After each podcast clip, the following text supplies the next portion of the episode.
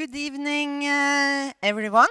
My name is Liv Tørres, and I have the pleasure of wishing you welcome to the Nobel Peace Center and to a very interesting artist talk, and later on, the view and opening of the new exhibition.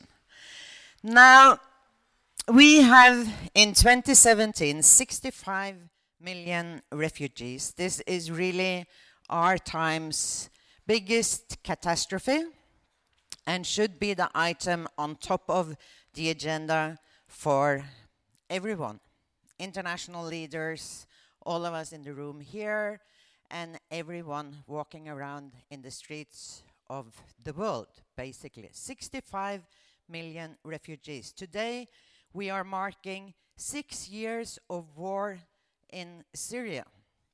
Six years of war, and no one seems to know how to end it, with millions of refugees as a result. You will get to hear a lot more about the personal side of this, the people behind the figures, the stories behind the figures, and the stories behind the news items later on. But I'm going to leave you over to our head of exhibition first, who will take charge of the artist talk. So we will start from there. Liv Astrid Sverdrup, please come.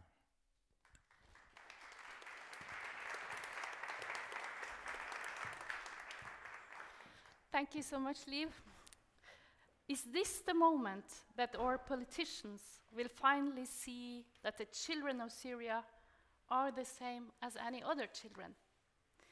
These were the words of Malala, commenting the photography that we all have seen of the small body of Aylan Kurdi washed ashore in Turkey in 2015.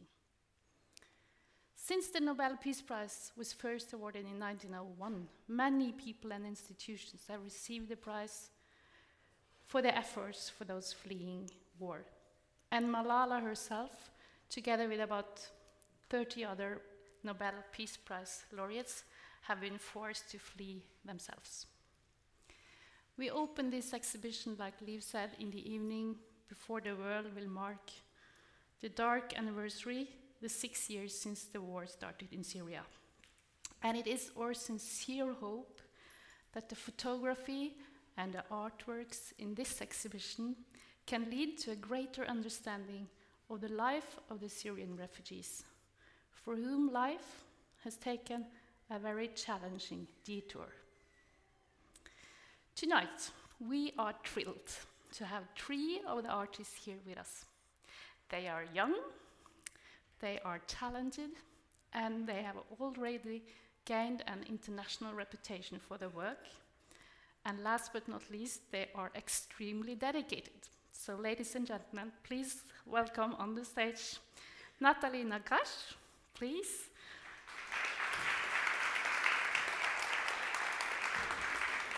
And uh, Omar Imam, please.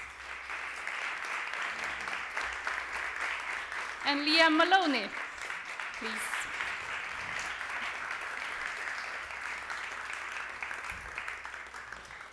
So, please have a seat. Again, like uh, I said, I think we're all so, we feel so privileged that you could come to Oslo. I think all of you have traveled quite a far way to come. And uh, we are thrilled to have your work here with us, uh, and that we will have it for such a long time also throughout the summer season. Um, right now, this will work more like an appetizer, because you will see, soon see the whole exhibition. But we will show you some of the photos and the artworks that you have made, five for each. And uh, I wanted to talk a little bit with one and each of you first, and then we'll see if we can have some time left for a conversation, all four of us. And um, then I wanted to start actually with Natalie Naccache. You are a Lebanese British documentary photographer, and you're based in Dubai and Beirut, yes, and you grew up in London. And your exhibition is called Limbo, and it has been exhibited in New York, Amsterdam, Singapore, Saudi Arabia, to mention a few of the sites, and finally it's here in Oslo.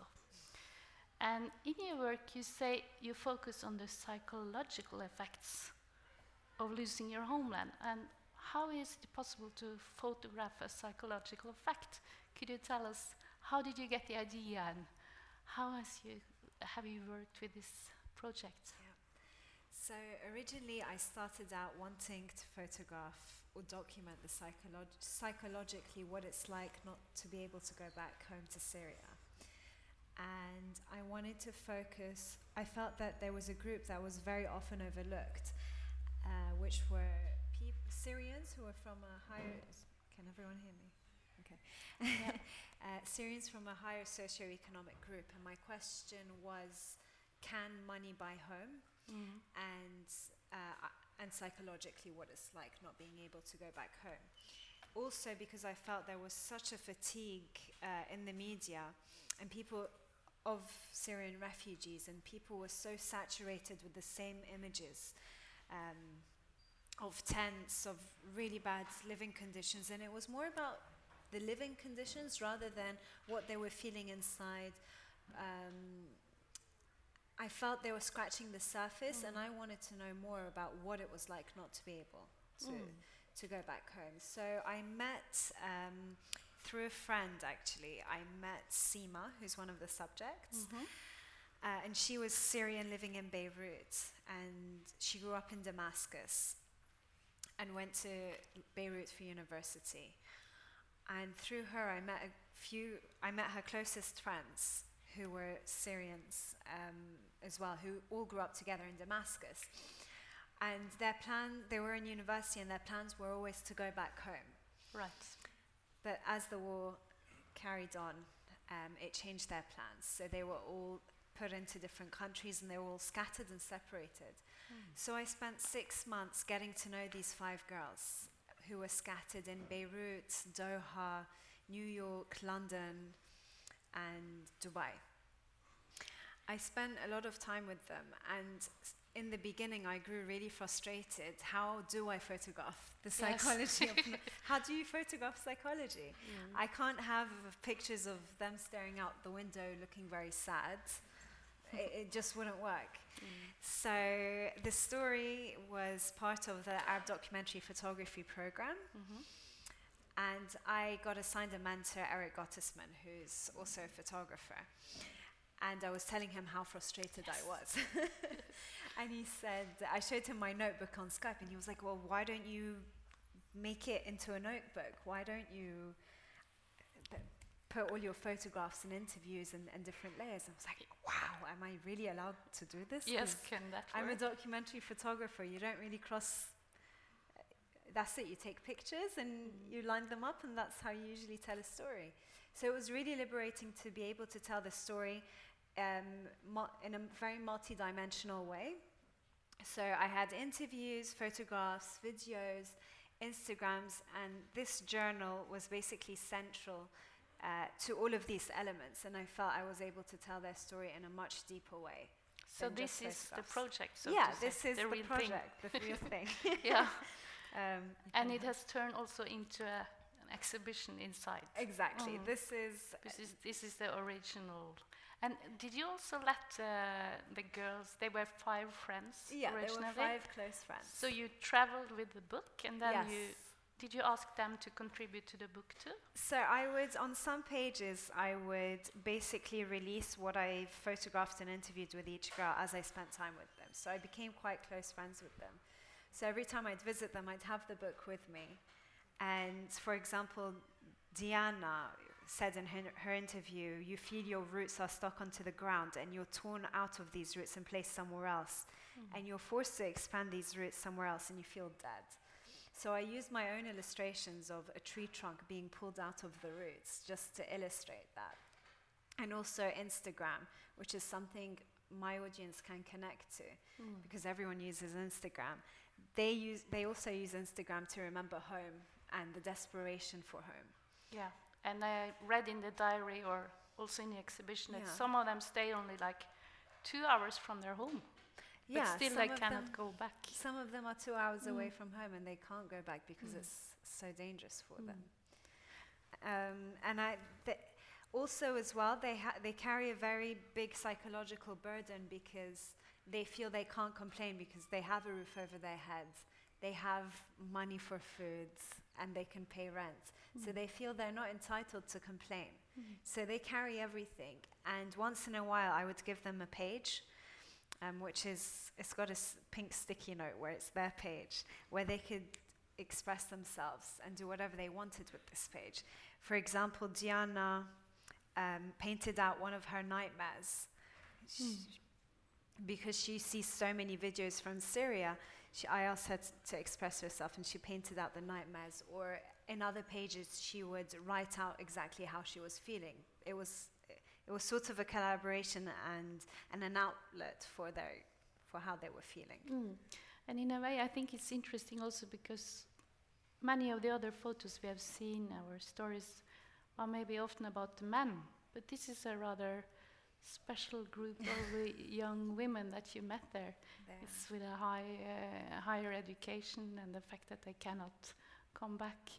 I also saw you had a cigarette in the book, and also you can see it on the wall inside. Uh, you told me they. They all started smoking much Yeah. more and drinking more since the war Mm. started. Um, so I grabbed one of their cigarettes and stuck it in just to illustrate that. Mm. And also, as you can see on the monitors, you had a photo with a um, tattoo. Could you tell us a little bit about that one? Oh, the, Mm. oh yeah, this one. Mm. Um, she recently had a breakup at the time of taking this picture, and she felt she wanted to do something for herself. So she tattooed the most important thing, which was to her her family. So those were the initials of um, of her family onto her back in Arabic. Thank you so much for your Thank you. work. I think uh, you will all um, enjoy the work of Nat- Natalie inside. Um, it's such a deeply moving Thank story that you have made, and also that the other women share. And you. do you s- still keep in touch with them? I do, yes. Yeah. They're really excited that it's it's travelled to, to so many different places, and Mm. they all follow intently with like, where is it going next? And Yeah. and they're really happy that people are relating to uh, to not being able to go back home, and and their stories are being heard. Mm. So you should send them the greetings from us in Oslo too. I Thank will. you. I will. They're Thank watching them. now. Yeah. Thank you. Thank you, Natalie. We'll come back to you. Uh, Omar, uh, heartily welcome to you as well. Uh, you have made an exhibition that you call Live, Love, Refugee. And uh, you are a Syrian photographer and a filmmaker. And you're a And a refugee myself. Huh? And a refugee myself. And a refugee yourself. You left uh, Damascus in 2012, was it? Yeah. Yeah. And you are lived in Beirut and now in Amsterdam. And um, according to yourself, you wanted to create something that you cannot find on Google. And I think you have done so. Um, your work has been exhibited already in more than 15 galleries all around the world, the work that you can see here. And I think it's very different from any other refugee stories that we have heard so far. So, could you tell us a little bit about what would you like to explore in your work, and how do you go about in uh, creating a photo? Um, It's a big question, yeah. but Uh, first, when I start, I, uh, I wanted to follow the um, relationship between man-woman relationship in the uh, in in Lebanon, in um, the camps of, of Lebanon, and how it was affected by the war and displacement. But later, I found many interesting stories, and I couldn't just ignore it because I have uh, a story in my mind, and that's part of um, what Li- Liam said, uh, said in the morning about the photographer or journalist who go- goes to the camp and he just wanna get the, the job ready and come back to, to, to the nice hotel because in the camp it's muddy, it's cold, uh, you smell uh, illness everywhere, so it's it's not that comfortable. and um, I wanted to, to spend um, uh, more uh, weeks um, exploring them, the the people behind the photos.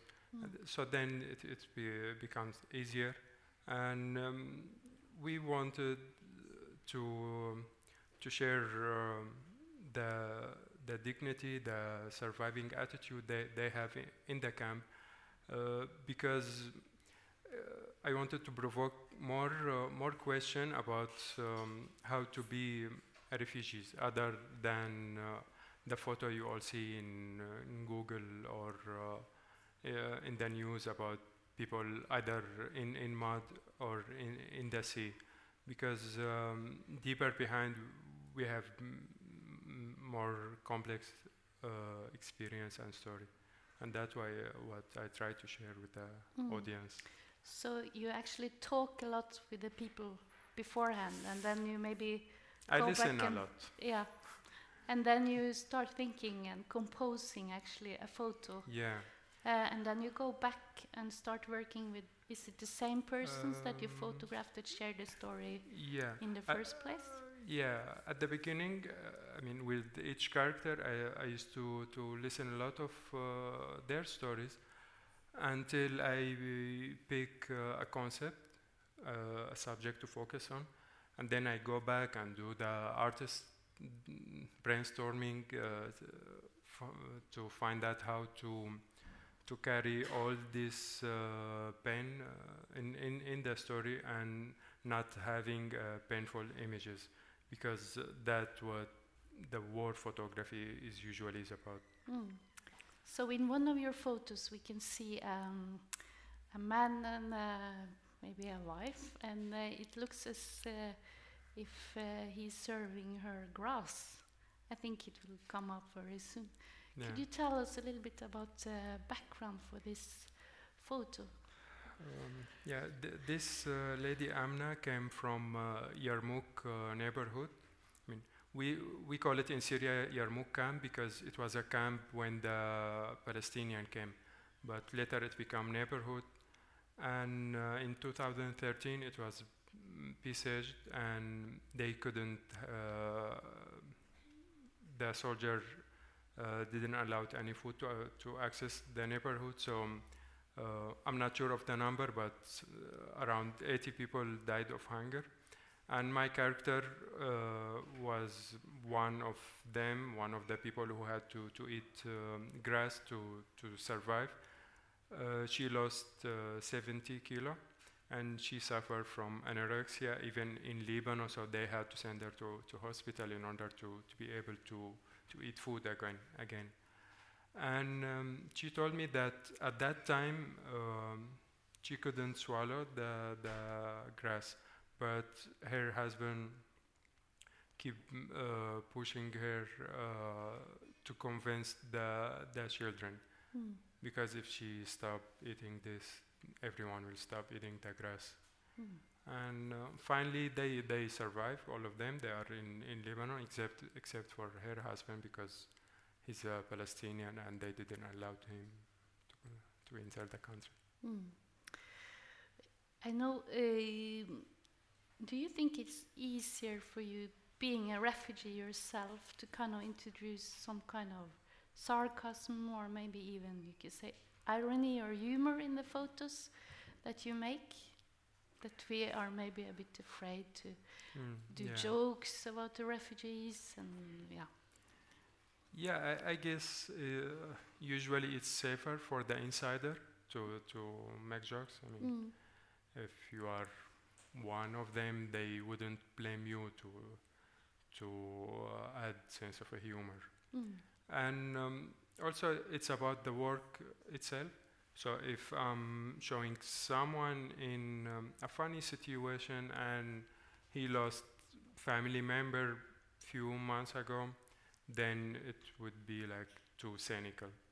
But uh, I try to, to keep the, the maximum dignity uh, and in, uh, create uh, a light uh, layer in, in the image because um, the, the, the story themselves are uh, too tough Mm. and I used some element like in f- symbolism or surrealism, uh, trying to make uh, more attra- attractive images. Mm. Like the couple that looks as if they're drifted along the coastline and on the shore. It's like a Yeah, at first uh, glance, it's like a romantic movie. I think. yeah, because they, they do have romantic romantic life there, and i- in in a way they get more benefit because the Lebanese society didn't interfere that much with them, not to keep their privacy, but because they are outsider. So in in a way, i it was harder for them to integrate in the society. On the other way, they they were they have like bigger uh, comfort zone.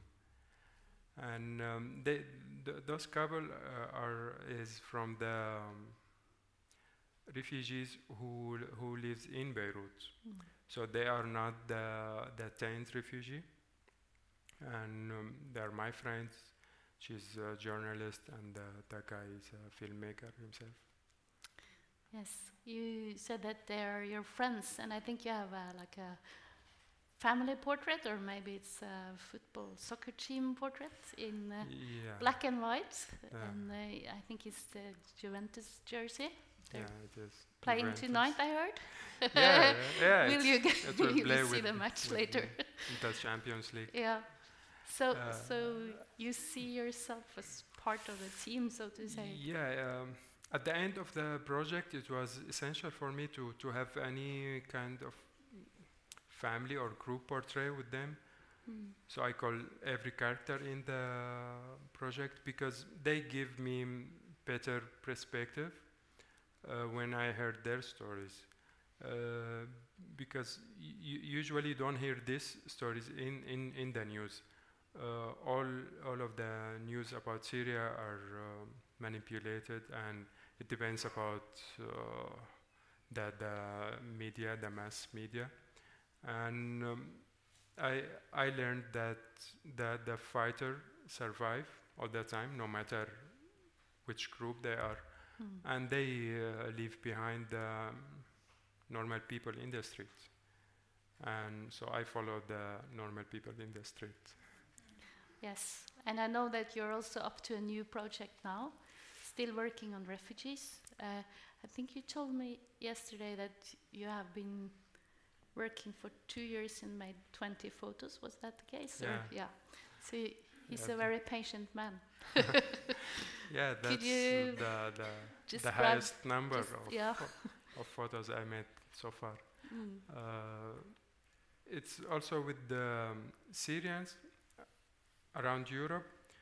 So um, I follow um, the the Syrian uh, circle. I know every uh, country in Europe I'm exhibiting, or sometimes I travel there, um, trying also to to get more um, stories about the the background uh, the the war uh, morals, um, and we are exploring something in common.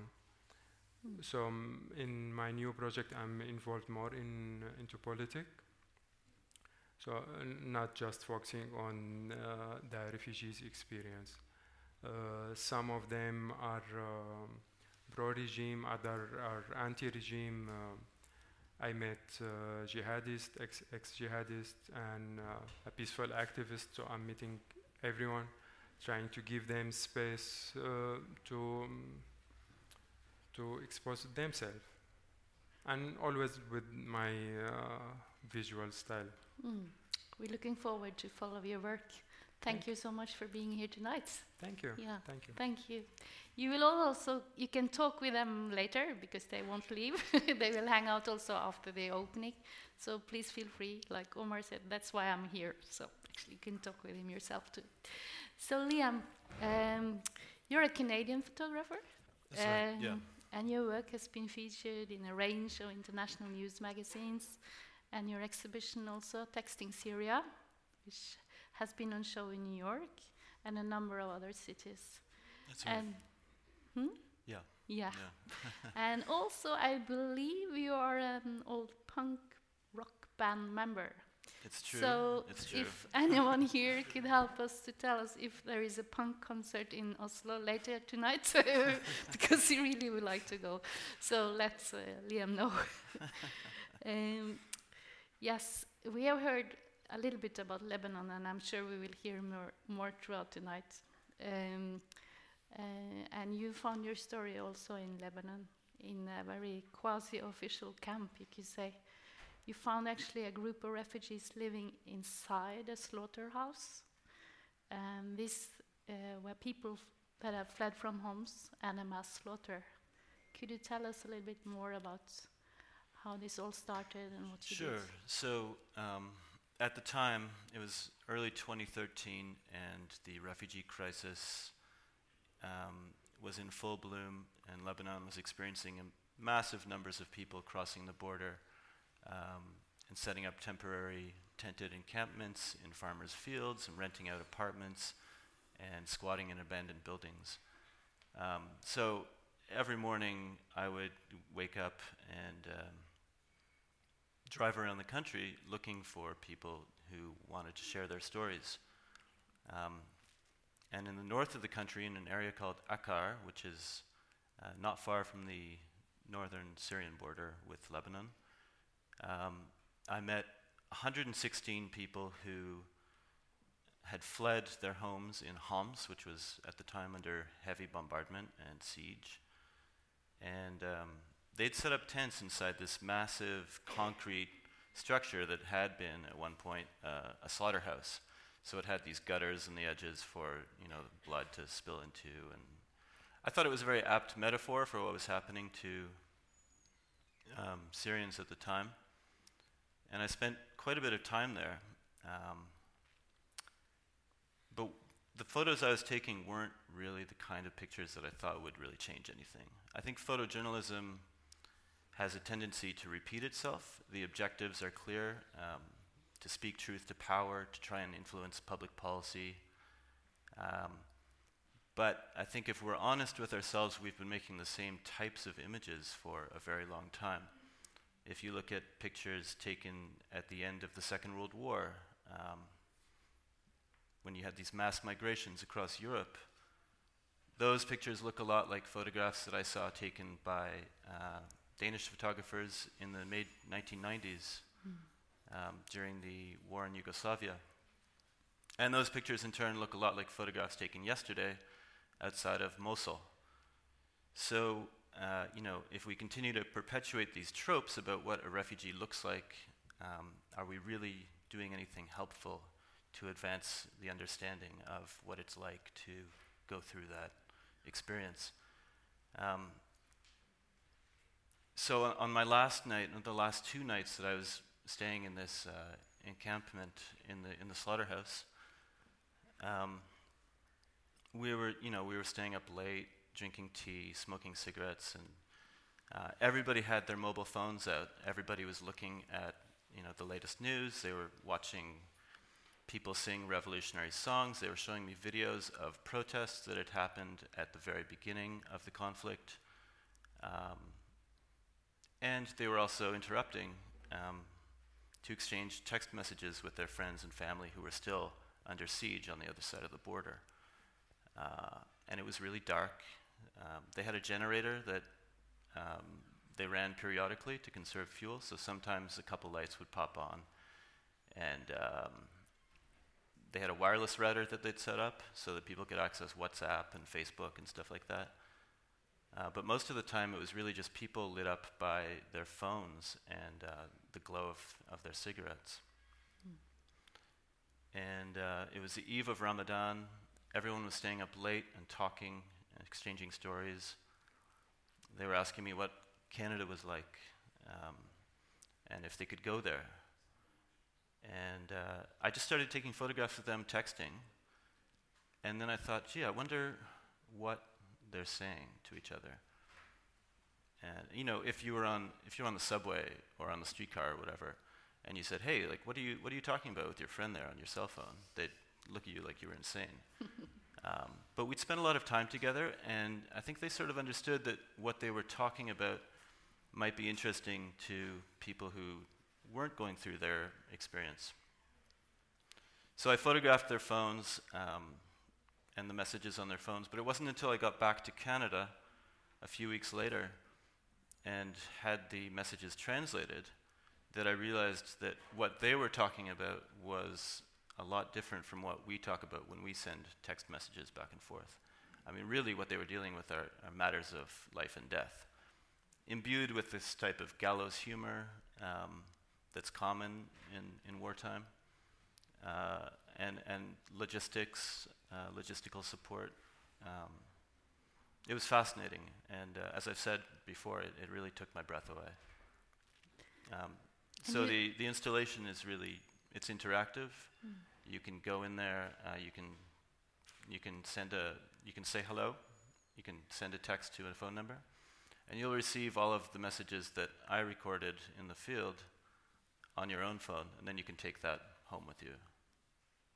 Yes, so it's actually a kind of hidden narrative also to your story, and uh, like you said, you also actually the the sound, the soundscape of the room you can also listen to what you heard when you were there.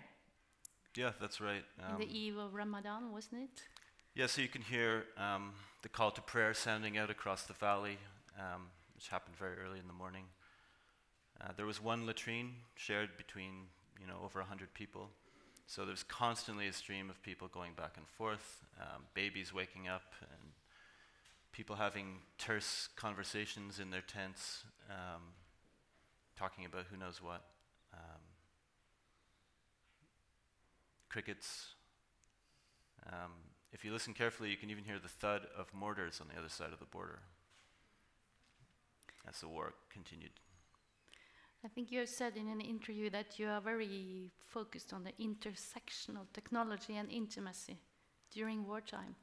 And in a way, I think what we see now is kind of a huge digital archive of the war. And uh, maybe for the future, more historians and uh, political scientists and so on should go into this because, like you said, this is a new way of documenting really well, what's happening. I mean, the Syrian war is, is one of the first conflicts to be wholly consumed and mediated by, by um, you know, the devices that we all carry in our pocket. Um, because it's so dangerous to report from Syria and so few people um, are able to do it on a regular basis, a lot of what we understand about what's happening comes from citizen journalists recording the conflict on their, on their phones. Um, almost all logistical support comes from refugees sharing information with each other on their phones using WhatsApp and Facebook and Facebook groups.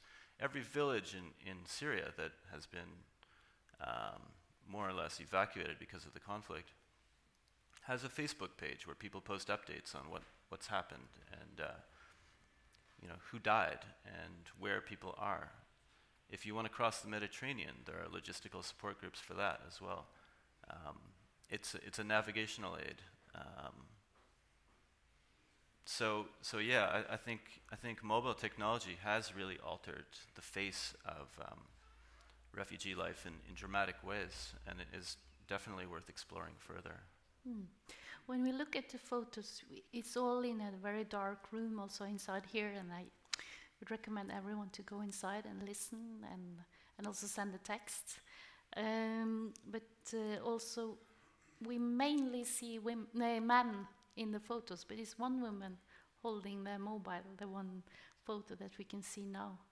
Could you tell us a little bit about why yeah, that's that's a that's a great. Only men there, or that's that's a, a great point, um, and something that I deeply regret not being able to tell that side of the story. Uh, of course, there were many women, as many women as there were men in the camp.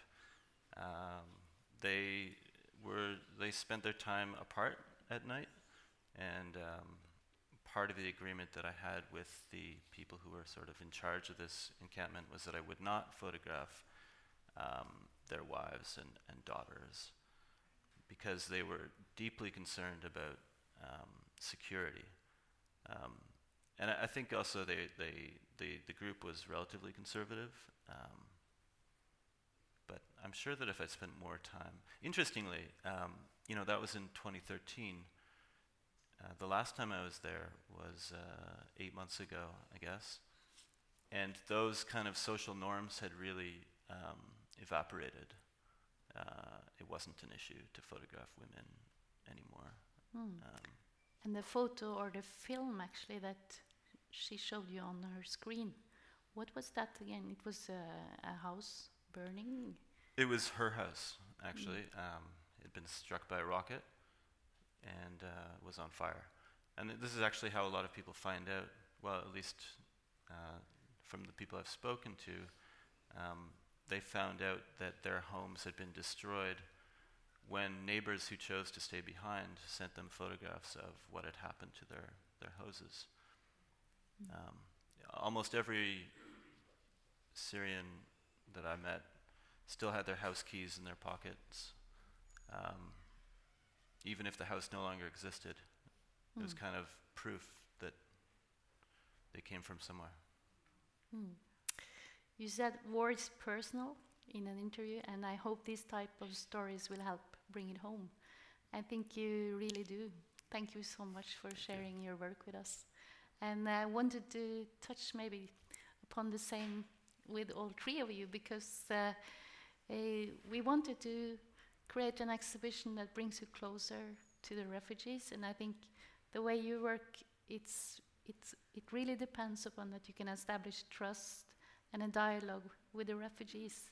And you said a little bit about how you go about, but is this important to you to to establish this dialogue, and uh, how how do you go ahead to do that?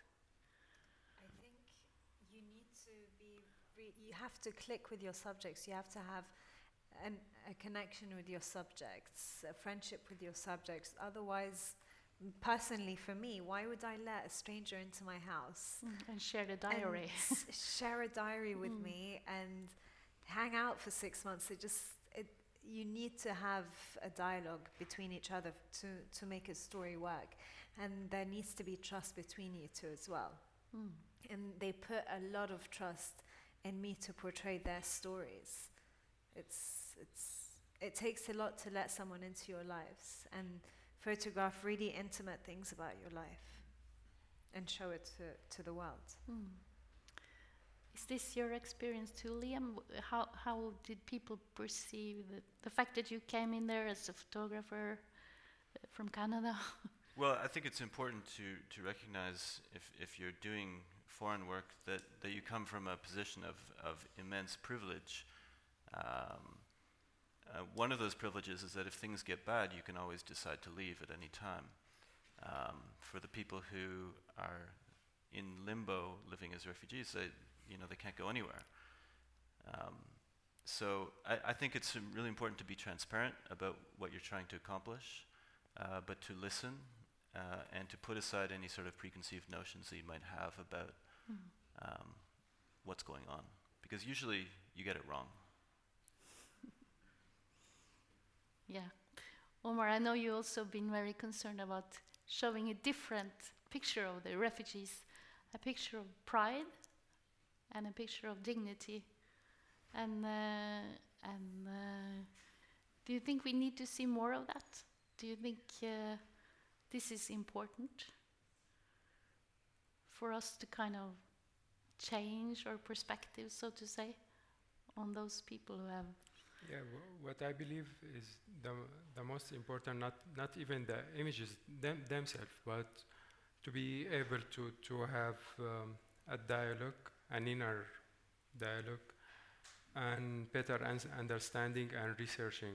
So not, not just to get uh, information by the traditional resource, because that's how brainwash working. So if uh, wha- what I learned that if I'm in interested in, in any conflict or any event happening in the world, I just go and research my, myself. It is not an easy thing to do, but it's uh, a better uh, experience. And, and, and then as, as an artist, I would use it to make images, but other people would use it in, in different lifestyle. Hmm. So, what role do you think a photographer can play in kind of helping uh, out on the situation in Syria, so to say? Can art and photography actually help? Yeah, sure. It gives better understanding, and it's a speech in the in the end. So the, the the camera itself it's not that important because you can.